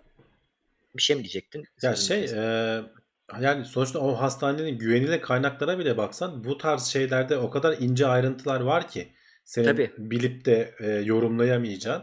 Yani en iyisi hakikaten çok dertleniyorsan bir doktora danışmak ve güvenmek. Hadi inanmadın bir doktora daha danış. iki olsun. Ama güven yani bir yerden sonra hani sonuçlara. E, Doğru. O tabii artık güvenmiyorsanız da bu haberin aslında ana bölümü de o. Çok güzel söyledin. Bunları yaptınız. Doktora da götürecek bu sizi bir süre sonra. Çünkü emin olamayacaksınız. İlla bir tahlil isteyeceksiniz. Bunu aslında e, Batı'da, Türkiye'de de biz bunu istemiyoruz aslında. Yani şunu istemiyoruz. Hani bu şey açıldı. Aile hekiminizi telefonla arayabiliyorsunuz artık diye biliyorum. Yanlış hatırlamıyorsam. Arayıp ona sormak bile çünkü onun o bir, bir belli bir zamanı sen randevu olup harcaman çok büyük bir aslında toplandığında büyük bir yük sistemi. Yani Evet. masraf e, yükü. Bunu istemiyor aslında sistemler, sağlık sistemleri. Telefonla arayıp söylediğinde ya diyebilir ki ya sen buna bir gel bu ciddi bir şey diyebilir veya diyebilir ki hani o aramayı yapmaktan ziyade çünkü bir doktor o diyebilir ki ya orada ha bu o kadar da nokta değil bu devam ederse yine gelin diyebilir. O bile o zamanı kurtarabilir ama Hı. şunu diyelim baktın aradın gittin gene de tatmin olmuyorsun. Gene arıyorsun. Doktor böyle dedi ama ya hata yaptıysa doktor hikayeler okuyoruz haberlerde görüyoruz diyorsan o zaman bununla ilgili online terapiler çıkmış. Ee, bunun aslında online hastalığa online adı- terapi diyorsun. Evet aynen öyle. Yani gidemeyenler için hani Skype üzerinden ve Hatta şey diyor, o benim ilgimi çekti. Online terapi daha başarılı olmuş diyor kontrol grubu şeyine göre. Aa, bu ilginç çünkü adamlar daha demek ki internete mi yatkın Herhalde, herhalde acaba? yani o, o ilginç yani gerçekten de. Dolayısıyla bu şekilde yardım almak mümkündür. iyi bir fikirdir. Ee, önemli olan bu zaten hani bildiğimiz bir hastalık bu. Health, e, illness, anxiety e, dediğimiz bir şey yani Hı. bu aslında. Hastalık kaygı bozukluğu. Bu bir bozukluk. Bunda tedavisi belli ve kolay. O kadar da zor değil. Bunu e, gidebilirler. Biz bundan biz bunun şeyini vermiş olalım. Hani bilgisini vermiş olalım, hatırlatmış olalım. Evet, yorumlarda var mı ilginç bir şey? Sen ona bak. Bu tam belki vardır hastalık hastası. Evet, nokta nokta için ilk yardım yazarken kanserin belirtisi gibi sonuçlar diyor. Çıkar Yani evet diyor. işte çıkabilir, Evet. çıkabilir yani. Aynen. İnternette ne ararsan ara burnunu bile ağrıyorsa kanser çıkıyorsun diye. Onu merak ediyorum aslında. Hani bu negativity bias'ı merak ettim. Ee, bakalım bakalım. Aynı ben diyenler var bu konuda. Teknoseyir abonelerinden yazan yok. Onları da bekliyoruz. Ee, ön e, konuşmaya bekliyoruz onları. Geçelim istersen o zaman sıradakine. Ee, bu son zamanlarda e-sigaralarla ilgili bir haberler çıkıp duruyor. Böyle e, bazı ölümler yaşandı. Biz gerçi hiç konu almadık çünkü e, tam olarak ne olduğu belli değil. Yeni yeni sonuçlar alınmaya başladı. E, şimdi yeni bir açıklama yapıldı. E, vitamin E asetat olabilir diyorlar. E, Evet. Ölümlere neden olacak maddenin ve e, mümkünse bunları içeren o likit deniyor bunların sıvısına e, Hı hı. kullanmamaları, kullanılmaması öneriliyor. Çünkü zaten aslında bu e-sigaraların orada da biraz yanlış anlatılıyor. Şimdi medyada da gene işte böyle klik çalma falan anlamında şeyler olduğu için e, bütün sanki e-sigaralar bir anda ölüme neden oluyormuş gibi ama aslında bunun belli bir işte hatta e, kenevir mi? E, kenevirin işte belli bir işte THC miydi maddesinin ismi? THC evet. E, o maddeyi içeren versiyonları var bu likitlerin. Böyle biraz daha güzel kafa yapsın diye mi üretiliyor artık veya Yo bağımlılık, yo o şey zaten bağımlılık olarak oluşturulsun diye mi yapılan bir şey bilemiyorum açıkçası. Ya şöyle tetra tetrahidrokanabinol e, denen yani bildiğin o kanabisin, e, kenevirin içilen hani Etken o maddelerinden biri etken mi? maddesi bu. Hatta en Şimdi önemlisi de kenevir galiba. içmemek için kenevir hani sarılıp ya da yakılıp içiliyor ya o Hı e-sigara içenler de e, kenevir içmek istiyorsa Amerika'da falan Hı. sokakta alınıyor. Bazı yerlerde serbest değil. zaten. Bazı yerlerde serbest, bazı yerlerde değil galiba. Evet evet E, Amerika'da zannediyorum eyaletten eyalete değişiyor. Bazı eyaletlerde de hani ağrı kesici ilaç olarak kimisi Hı. veriyor. E, o zaman alabiliyorsunuz ama yani bunun sokaktan alındığında bu THC'nin içine ne konduğu bilinmiyor. Çünkü bu vitamin E asetat e, tın amacı burada onu e, ka- nasıl diyelim kalınlaştırmak, Evet, yani yoğunlaştırmak. o sıvının Em, kıvamını ek- ek- ek ayarlamak için madde. kullanılan Heh. bir şey evet. Evet dolayısıyla bu şimdi bunu dediğin gibi niye vermedik daha belli değildi ama CDC e, Amerika'daki bu e, hastalık e, departmanı yani hasta hı. bu hani dizilerde görüyorlar bir böyle bir salgın olduğu zaman CDC geldi burayı kapattık diyorlar yani herkes Yani ellerini şöyle çekip bu sonuca şöyle ulaştılar zaten 29 hastanın e, bronşlarından alınan sıvılar incelendikten sonra zaten bu Evet. sonuca ulaşılıyor. Bu da tabii net bir sonuç değil ama ortak bulunan 29'unda da ortak olarak bulunan bu vitamin E asetat bulunduğu için bunu uyarıyorlar. Hani vitamin E asetat olduğunu bildiğinizleri içmeyin. Bir de sokaktan zaten hiçbir Evet, şekilde ya şimdi almayın. bu likitler öyle bir şey ki Hı. insanlar kendi kendilerine evde bile ürettilen ürettiklerini Evet. ben görüyorum sağdan Bu soldan çok sıkıntı. duyuyorum. Benim de arkadaşım burada yapıyor. Ee, çok büyük bir sıkıntı. Yani evet hani şimdi sen onun içinde ne koyuyorsun ne yapıyorsun bilemiyorsun. Dışarıdan alsan onu da bilemiyorsun. Ee, yani bunları zaten hani baştan hiç içmeyin de mümkünse Tabii. hani içe, içe mi, içmek zorundaysan dayanamıyorsan da bari yani bir markası vesairesi falan hoş- olan bir şeyleri tercih etmekte fayda var. Yoksa Evet. görüyorsun hani bayağı ölüme götüren sonuçlar olabiliyor. Onların da o sıvıların hani hazır alıp ve içine bir şey de eklemeyin. Yani o üreticinin size sunduğu şekilde yapın diyor. Çok önemli bir e, bilgi. Tabii e, Amerika'da bu büyük olay oldu ama dünyada da vardır belki bilmiyoruzdur. Hani gidiyordur başka bir Hı hı. noktadan oluyordur. Bu tabii bununla ilgili bir e, yani Ya akciğerin şeye çökümü, bakarsan ölümü. e, şeyle karşılaştırıyorlar tabii. Normal sigara tüketimiyle karşılaştırdıkları zaman bu hani e-sigaralar biraz daha masum kalıyor tabii onun yanında. Çünkü o hı. sigarayı sonuçta bayağı yakıp da o içine çektiğin kimyasallar çok çok daha beter. Ama bunda da sonuçta bir sürü kimyasal alıyorsun yani mümkünse hiç alma Evet. yani. Aynen.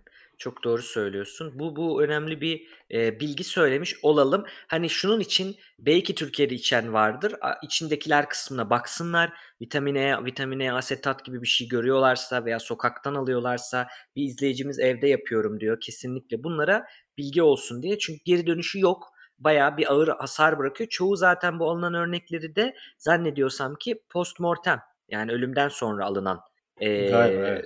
onu da söylemiş olalım. E, basitçe haber vermiş olalım bizden söylemesi. Bundan sonraki haberimiz ilginç. Ücretsiz internet e, bir temel insan hakkı olmalı mı sorusu sorulmuş. Olmalı bence. Ben de olmalı olduğunu Ya gerektiğini ben düşünüyorum. ya şimdi zaten hani yayınları falan da orada yapıyoruz. Bak şimdi ifade özgürlüğümüzü gayet güzel bir şekilde kullanıyoruz. Yani artık hayatın çok tabii içine girdi. Ee, zaten hani bugünlerde vardı galiba Telekom'un e, bilgi işlemden sorumlu genel müdür yardımcısı şey diyor. Hı. Ee, gençler hani elektriğin suyun olmamasına sorun etmiyorlar ama internet 15 Tabii. dakika kesildiği zaman e, ortalığı birbirine katıyorlar. Ee, gerçekten bu hani hakikaten elektrik su gibi değil. Yani senin dünyayla bağlantını sağlayan bir şey haline geldi ve gitgide çok daha fazla etkileyebiliyor. Tabii ki dünyadaki şu anda insanların yaklaşık yarısı falan hiç ulaşamıyor internete. Yani biz şanslı taraftayız aslında ona bakarsın. Hem de Evet. nispeten hızlı internetlere ulaşıyoruz. Şimdi bunu dediğim için Türkiye'de saldıracaklar belki bana ama Yo hani ortalamalara ortalamalara bakıldığında bu baktığın böyle. zaman Evet. e, ortalamalardayız yani aslında. Tabii ki Güney Kore falan almış başını gitmiş durumda. E, keşke biz de oralara ulaşabilsek günün birinde.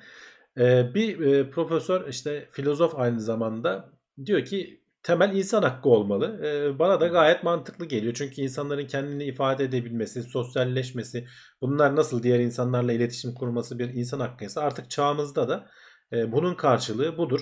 E, Evet. Sosyal ağları kullanmak, oradan işte bilgiye erişim.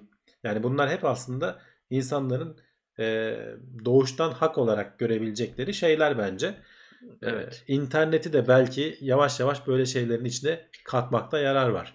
Yani bu bir mesela Levent abinin e, akıllı telefonlarla ilgili söylediği bir şey var çok sık. Nedir? Akıllı telefon artık bir lüks değil. Pahalı hani pahalandığı için de söylenen e, bir nokta. Çünkü sen e-devlete bile ne bileyim faturanı yani gerçekten artık bu bir hani her şeyin bir uygulaması var. Bu olmadan bir iş yapmak çok zor. Devlet de bunu kabul etmiş durumda. Devletler de ya da hani Türkiye'de ve başka devletlerde hani bu artık bir e, kullanmayan insanı gördüğünüz zaman ekstra bir noktası var. Ya bilgisayarını açıyor ya bir şey yapıyor. E, aynı şekilde internet de böyle olmalı. Tabii adamın söylediği de o. Bu bir lüks değil. Bunu böyle düşünüp bir meta gibi düşünüp ama şimdi buna karşı argümanlar da üretilebilir. Biz de onu yapalım biraz. Mesela benim aklıma şu geliyor. Evet su da yani su içmeyen, suyun bir hak olamayacağını, su içmeden yaşayamadığımız bir nokta. Fakat suyu da yine hani içme suyunu en azından e, ücretli alabiliyorsun. Hani bu bir satılabiliyor. Hı. Bu da bir nokta. Fakat burada e, bence insanların farklı olan nokta e, suyu, elektriği e, çok e, büyük miktarlarını çok ucuza alıyoruz aslında biz. Evet. Şey miktarına nasıl diyeyim miktar diyeyim onu şimdi ölçülemeyecek. Su gibi değil ya internet elektrik internet. Ama hani miktar başına aldığın birim başına aldığı verdiğin fiyat çok düşük. O yüzden bu o kadar da göze batmıyor. Ama sen ne bileyim hani faturanı ödeme senin elektriğini kesiyor suyunu kesiyor kışın soğukta kalıyorsun. O insan hakkı değil mi? Benim insan hakkım beni niye kestin diyemiyoruz. Aynı şekilde internet de böyle. Buradaki adamın söylediği de hani herkese geniş bant herkese hızlı vermek zorunda değilsiniz diyor ama Tabii. gerektiğinde nasıl hani e, kontrolün olmasa bile sen e, a- 112'yi falan arayabiliyorsun ya aynı bunun gibi çok minimum ne bileyim Twitter'a girip haberlere bakıp bir, bir şey cevap verebileceğin Evet, evet. e, katılabileceğin kadarının sağlanması gerektiğini şeyi e, söylemesi düşünüyorum. mesela ilginç. Ee, hem ifade özgürlüğünü zaten hemen kolayca anlıyorsun ama mesela toplanma hı. özgürlüğü de bence artık internette diyor adam. Yani Tabii. bu Arap Baharı'nı vesaireyi falan düşünürsen e, bizdeki işte e, e, toplu gösterilerde vesaire falan da hani haberleşme falan hemen internet üzerinden yapılıyor. Olaylar orada olan olaylar hemen telefonlarla çekiliyor, internete yapılıyor. Tabii ki bunların şeyi de var. Kötü yanları da var. Onu da söyleyelim. Tabii. Hani manipülasyona falan çok açık alanlar bunlar. Bunlar işin ayrı boyutları. Ee, Evet. olayın özünü değiştirmiyor sonuçta. Bunların düzeltilmesi, önlenmesi vesairesi falan ayrı konu. Hı hı. Ama bu işin artık hani günümüzün e, çok temel e, ihtiyaçlarından biri olduğunu söylemek bence kesinlikle yanlış değil. Aynen öyle. Minimum Bakalım da olsa konuda senin dediğin gibi e, evet. çok az da olsa e, bir şey sağlanabilmeli en azından. Evet.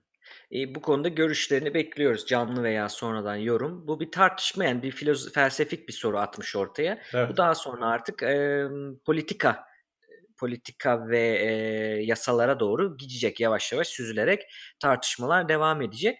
E, şu bilgiyi vereyim. Bazı ülkelerde bizde de kaldırıldı kota ama bazı ülkelerde kotanın kalkma sebebinin e, şu olduğunu biliyorum. E, gene bu şekilde yani internet bir elektrik su gibi bir şeydir. Hani suya kota koyamadığın gibi e, insanlara elektriğe şey internete de kota koyamazsınız. Pahalı olmasını vesaire hani serbest piyasada onu ayarlayın. Ama kota e, olarak kota kotalı bunu yapamazsınız ve hani iletişimin minimum aksamayacağı bir hız yapmalısınız. Şimdi eskiden Hı. mesela ne oluyordu? 3 megabit'e indiriyordu. Yani bir, bir video da izleyemiyordun, hiçbir şey yapamıyordun. Yani de facto olarak kesmiş oluyordu internetini. Aslında Evet. kesmemiş. Hani var ya o sınırı aşınca sınırlı sınırsızlar hani sınırsız ama aşınca yavaşlıyor. Bir nevi bir defa onu da yapamazsınız diyen e, ülkeler var onu söyleyeyim. Şimdi bir sonraki haberimiz aslında bir fikri takip. Geçen hafta konuşmuştuk bunu bahsedeceğim demiştim. Videoyu da buraya ekledim. Türkçe altyazısı da var. Çok da izlenen bir video. Stresi nasıl arkadaşınız yaparsınız? Stresle Ben de nasıl bir yandan oynatayım şöyle. diye. Videoda görünecek bir şey yok ama. Videoda slaytlar çıktığında durdurabilirsin istersen Hamdi Hı hı. abi. Onları e, bahsederiz. E, Kelly McGonigal bir sağlık psikoloğu efendim. Onu da söylemiş olayım. Çünkü psikolojinin seninle de konuşuyor. 45 tane alt alanı var. 49 tane alt alanı var. Hı hı. Sağlık psikolojisi de onlardan biri. Neyle uğraşıyor sağlık psikolojisi? İnsanların davranışları, sağlık davranışları da var. Yani o ilacı zamanında alıp almamak, işte o yağlı şeyi yiyip yememek, spor yapıp yapmamak gibi, sigara içip içmemek gibi ve tabii ki sağlıkla ilgili kendi bakış açıları da var gibi e, durumları var. Bunları araştıran insanlar, sağlık psikologları Hı hı. e, ve diyor ki ben diyor 10 yıldır, 10 yıllardır insanlara stres sizin için kötüdür. Bak stresli olan kardiyovasküler sıkıntısı oluyor, kalbi oluyor, şekeri oluyor, erken ölüyor. Bin tane anlatıyorduk diyor. Fakat şunu fark ettim. Bir araştırma okudum e, diyor. Yapılan araştırmada insanlara e, takip etmişler ve bu insanlara şu sorulmuş. Son bir yıl içinde ne kadar stres yaşadınız? İşte 1 ile 10 arası. Hatta şimdi yapalım izleyicilerimiz son bir yıl içerisindeki stres seviyelerini 1 ila 10 arasında bize yazsın çete. Yorumlara da yazabilirler. Yani 10 çok stresli olabilecek acayip stresli bir hiç stresli değilim anlamına gelecek şekilde 1 ile 10 arasında son bir yıldaki stres seviyelerini yazsınlar şimdi çete bekliyorum. Ee, şimdi bunları öğrenmişler Hamdi abi. Hı Bir de şunu sormuşlar bu insanlara. Ee, stresin sağlığınıza zararlı olduğunu düşünüyor musunuz? İnanıyor musunuz? Bunların bazıları tabii inanmıyorum demiş. Benim sağlığıma zararlı değildir. Evet, Ben stres- onlar herhalde azınlıktır yani stresin sağlığa tabii. zararlı olduğunu söyleyen ben çok tahmin edemiyorum açıkçası. Evet. Ya o bilgiye Çünkü öyle bir anlatılıyor olabilir. ki yani. Evet. Ee, bir grupta evet benim sağlığıma zararlıdır diyor. Daha sonra Hamdi abi şöyle yapıyor. Bu insanların e, nüfus müdürlüğünden ne zaman ölmüş ona bakılıyor. Hı hı. Ve bunlardan tabii galiba 182 bini ölmüş e, toplamda. Çünkü çok sayıda e, insanlığı yapılmış bir araştırma bu. E, bunlar ölmüş fakat bu ölenlerin e, kalp damar hastalıklarından öldüğü bulunuyor. E, bu ölme oranında tabii stresli, çok stresli olan, şimdi şuna bu- biliyorum ben. Kimler öldüğünü biliyorum, ne kadar hı. yıl sonra öldüğünü biliyorum, yaşını biliyorum, erken ölümleri. Ve o rakamları da aldım ya, çok stresli olan acaba daha mı erken öldü? Evet, öyle bir nokta çıktı. Böyle bir ilişki çıkıyor çok net bir şekilde. Daha çok stresli olanların daha erken öldüğü, hı. kalp damardan öldüğü biliniyor. Fakat şunu buluyor araştırma. Bu ilişki sadece stresin sağlığa zararlı olduğunu düşünen insanlarda geçerli. Evet. Yani eğer sen e, çok streslisin, 9, 7, 8, 9 stresindesin, 10 stresindesin ama stresin sağlığa zararlı olduğunu düşünmüyorsan o senin erken ölümüne yol açmıyor. Şimdi bu bu araştırmacının fikrini değiştiriyor ve bir sürü yeni araştırma yapılıyor. Kız hızlıca geçeyim. Genel olarak çıkan sonuç şu. Stresin Stress reappraisal deniyor buna. Gene araştırmak isteyenler için ana- anahtar kelime vermiş olayım. Stress reappraisal yani var olan senin yıpranmanın, zorlanmanın, stresinin nasıl bakıyorsun? Eğer biz stresin gerçekten kendimize zararlı olmadığını, tam tersine vücudumun biyolojik olarak beni içinde bulunduğum zor duruma hazırladığı, bunu yenmem için, bu zor durumun başa çıkabilmem için e, beni e, enerjize ettiğini, bana güç verdiğini düşünüyorsam damar yapılarını incelemişler insanların. Damarlar şimdi stresli olduğumuzda kaç savaş tepkisi ne biliyoruz Hamdi abi? Ne geliyor aklına? Eller terler. Hı hı. Efendim alından böyle bir, bir ter akabilir. Kalbinin hızlı küt küt küt küt küt hızlı attığını görebilirsin. Ee, kaslar gerilebilir. Bunlar hep kaç savaş tepkileri. Okey bildiğimiz şeyler. Fakat burada bakıldığında sen stresin zararlı olduğunu düşünüyorsan ne oluyor biliyor musun?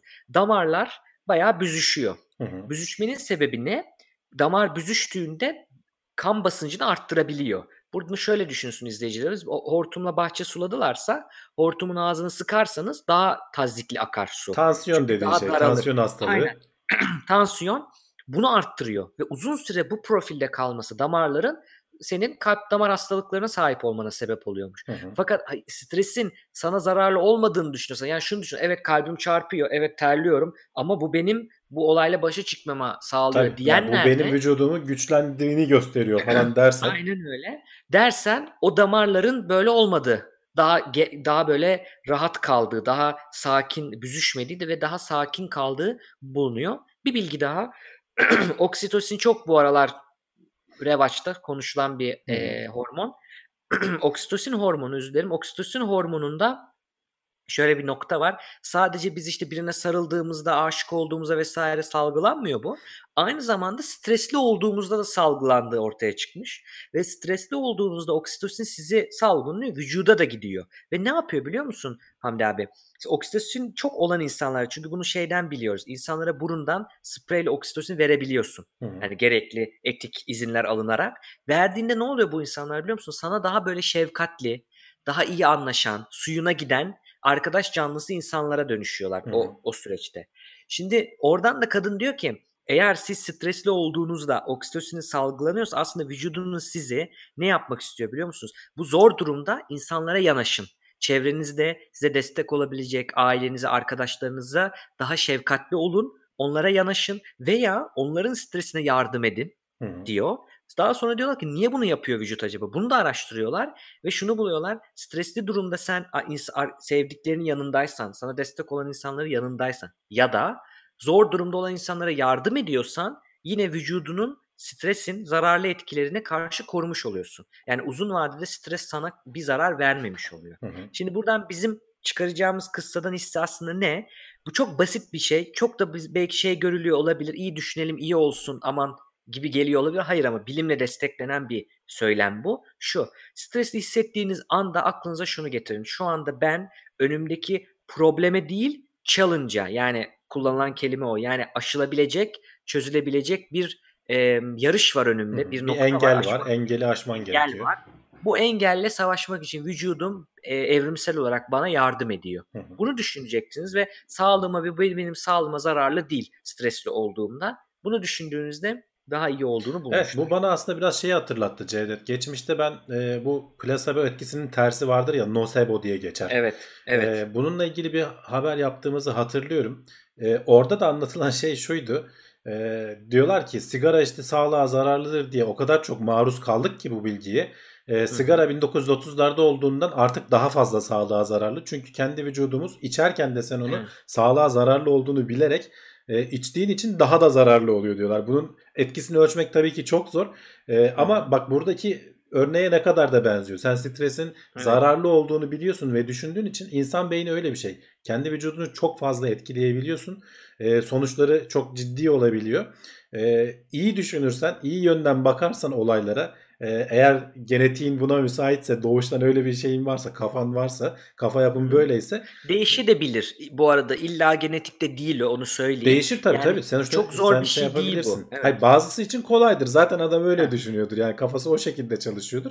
Ama e, bazısı da her olayın hani kötü yönünden bakmaya başlar. İşte gene streslendim görüyor musun? Bak ellerim şöyle oldu böyle oldu bilmem ne falan. Halbuki Hı hı. buna girmesen dediğin gibi yani ya stres benim vücudumun aslında bu olaya verdiği tepki ben kendimi hazırlıyorum işte vücudum savaşıyor falan vesaire gibi kendini ikna edebilirsen eğer Hı hı. ee, aynısını dediğim gibi başka şeylere de uygulamak mümkün. Sigaraya da Evet. uygula mesela. Ben bunu içiyorum ama o kadar da zararlı değil desem belki de zararlı olmayacak.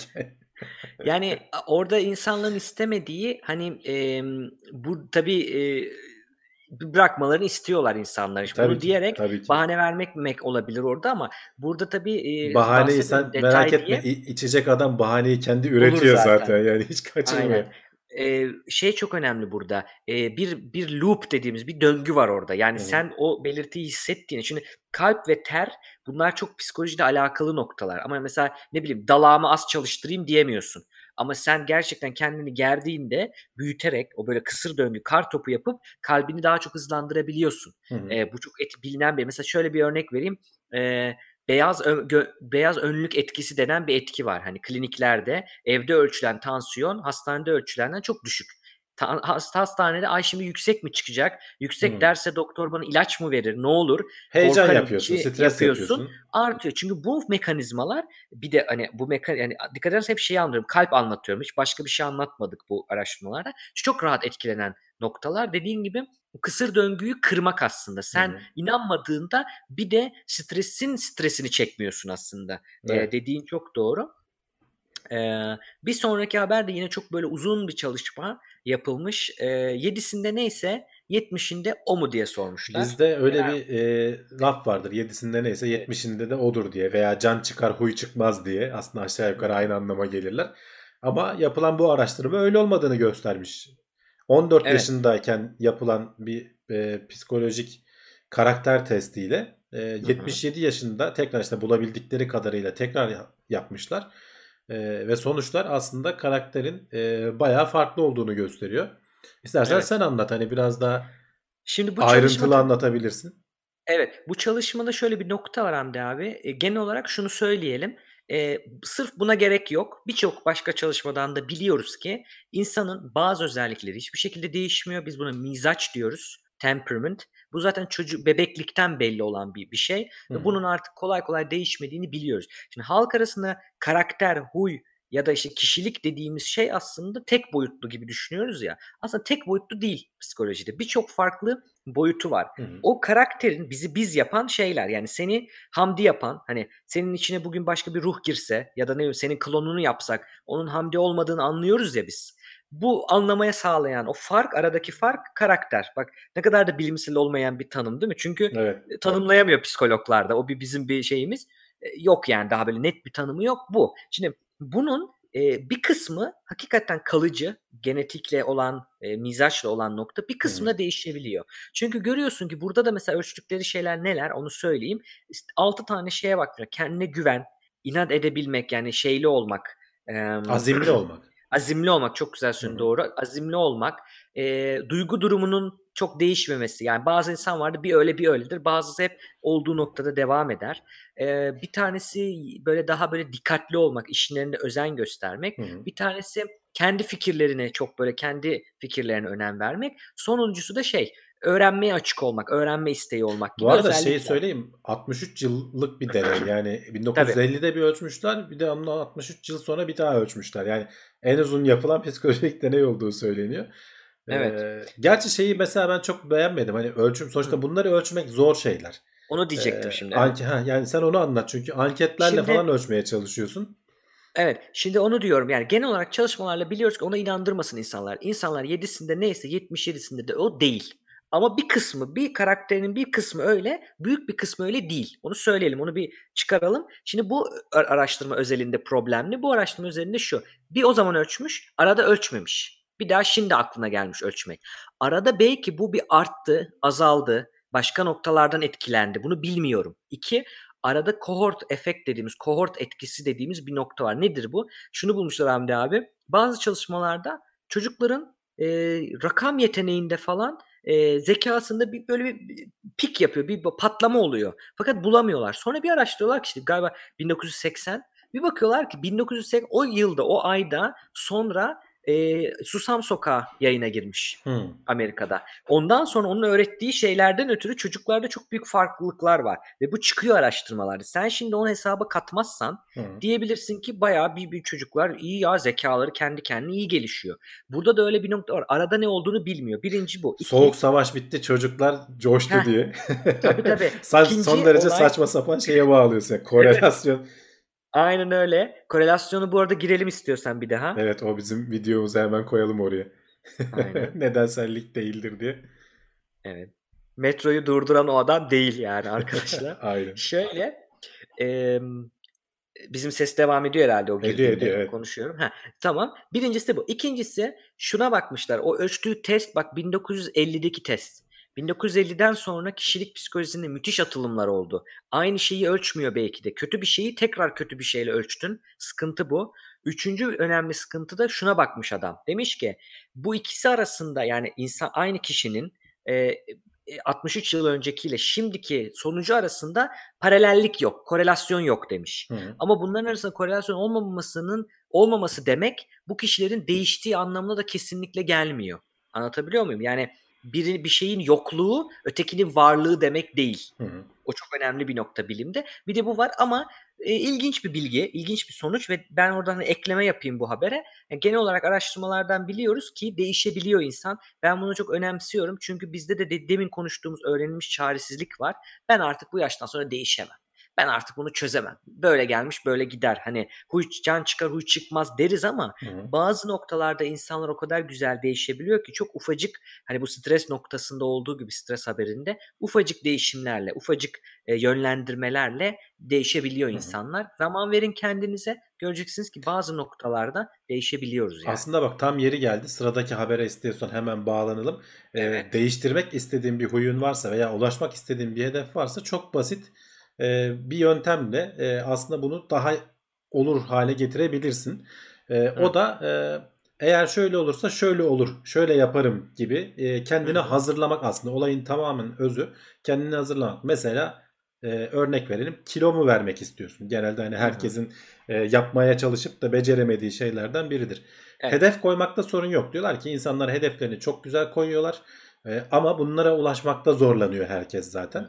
Hedeflerini koyduktan sonra yapacağın şey şu.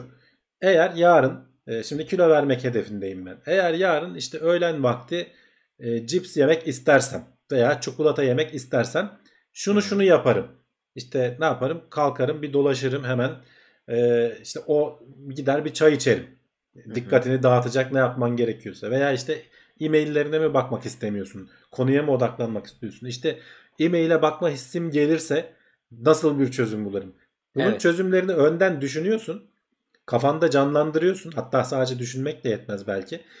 Olası Ve senaryoları plan yapıyorsun. O da plan önemli. yapıyorsun. Olursa Meselenin şöyle çözerim. meselenin özü bu. Yani aslında hani e, sivil savunma tatbikatları yaptırırlar ya sen bunun beyninde olanını yapıyorsun. Yani olası senaryoları önceden düşünüp ya böyle olursa ne yaparımı düşün yaptığın zaman, düşündüğün zaman ve buna önceden çalıştığın zaman çok daha iyi sonuçlara ulaşabildiğini söylüyorlar. Araştırmalarla falan da bunu göstermişler.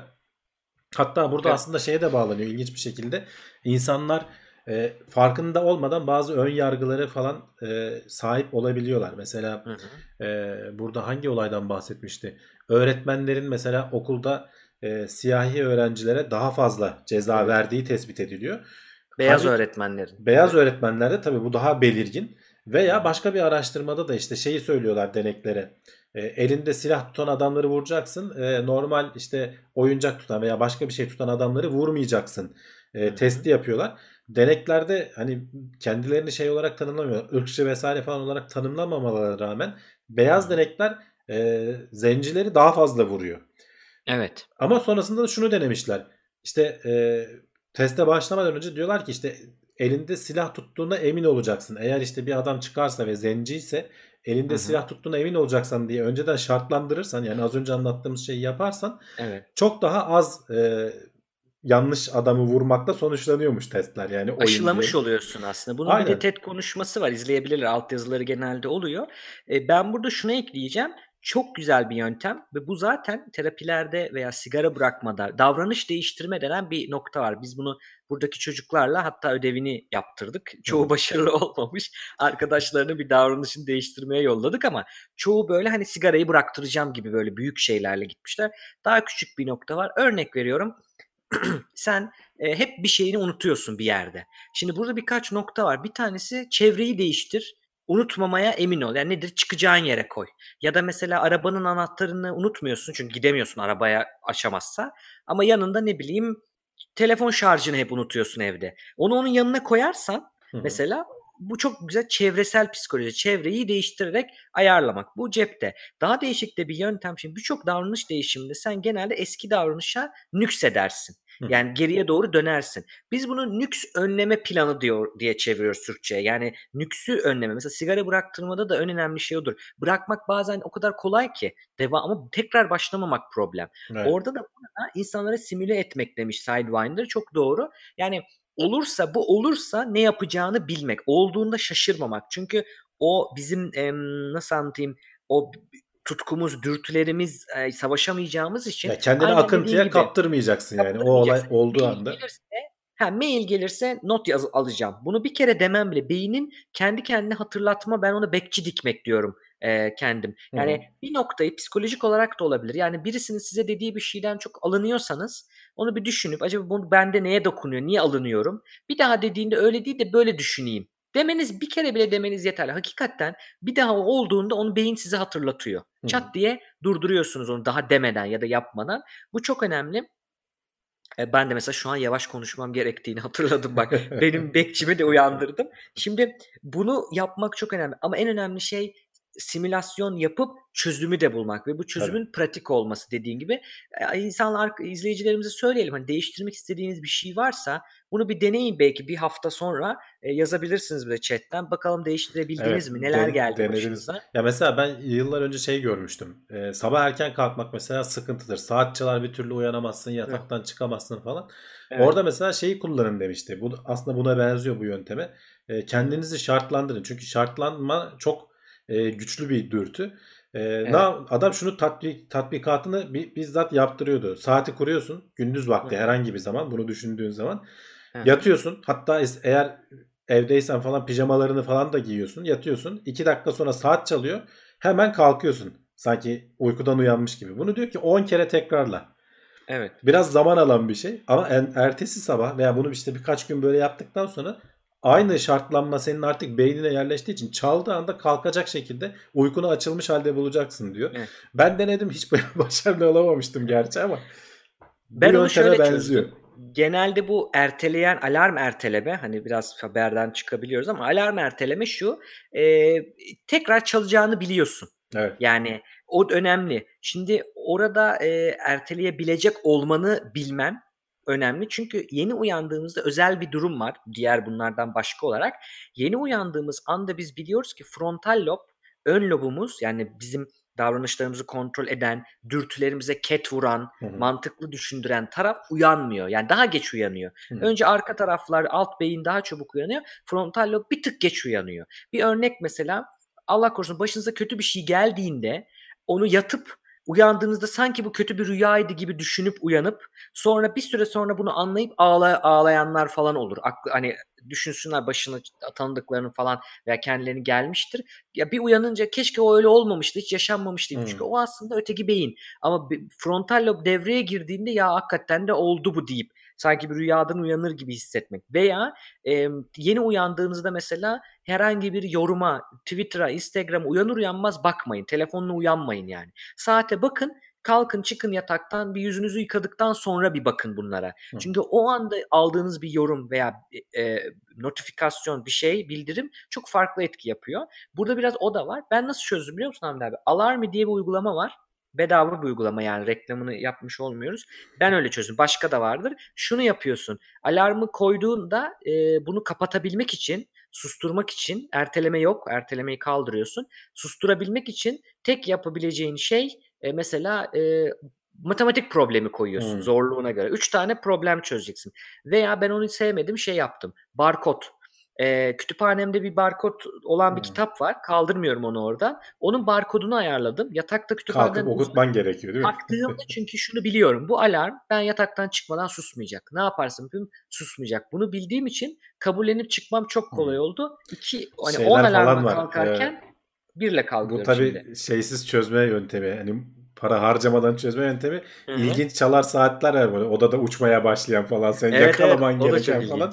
E, o kesin uyandırıyordur herhalde. Yakalayıp onu yerine koymadan susmuyor ama tabii uyanmamak isteyen de onu atar duvara. Telefonu kapatır. Her şeyi yaparız yani.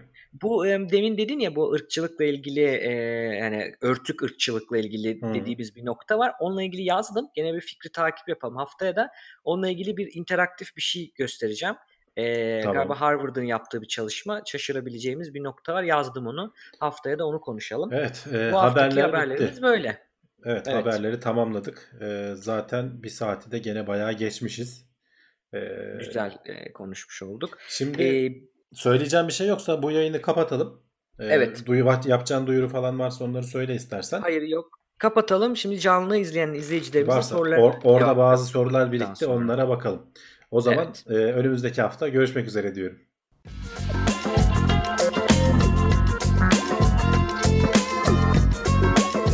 Tailwords teknoloji ve bilim notlarını sundu.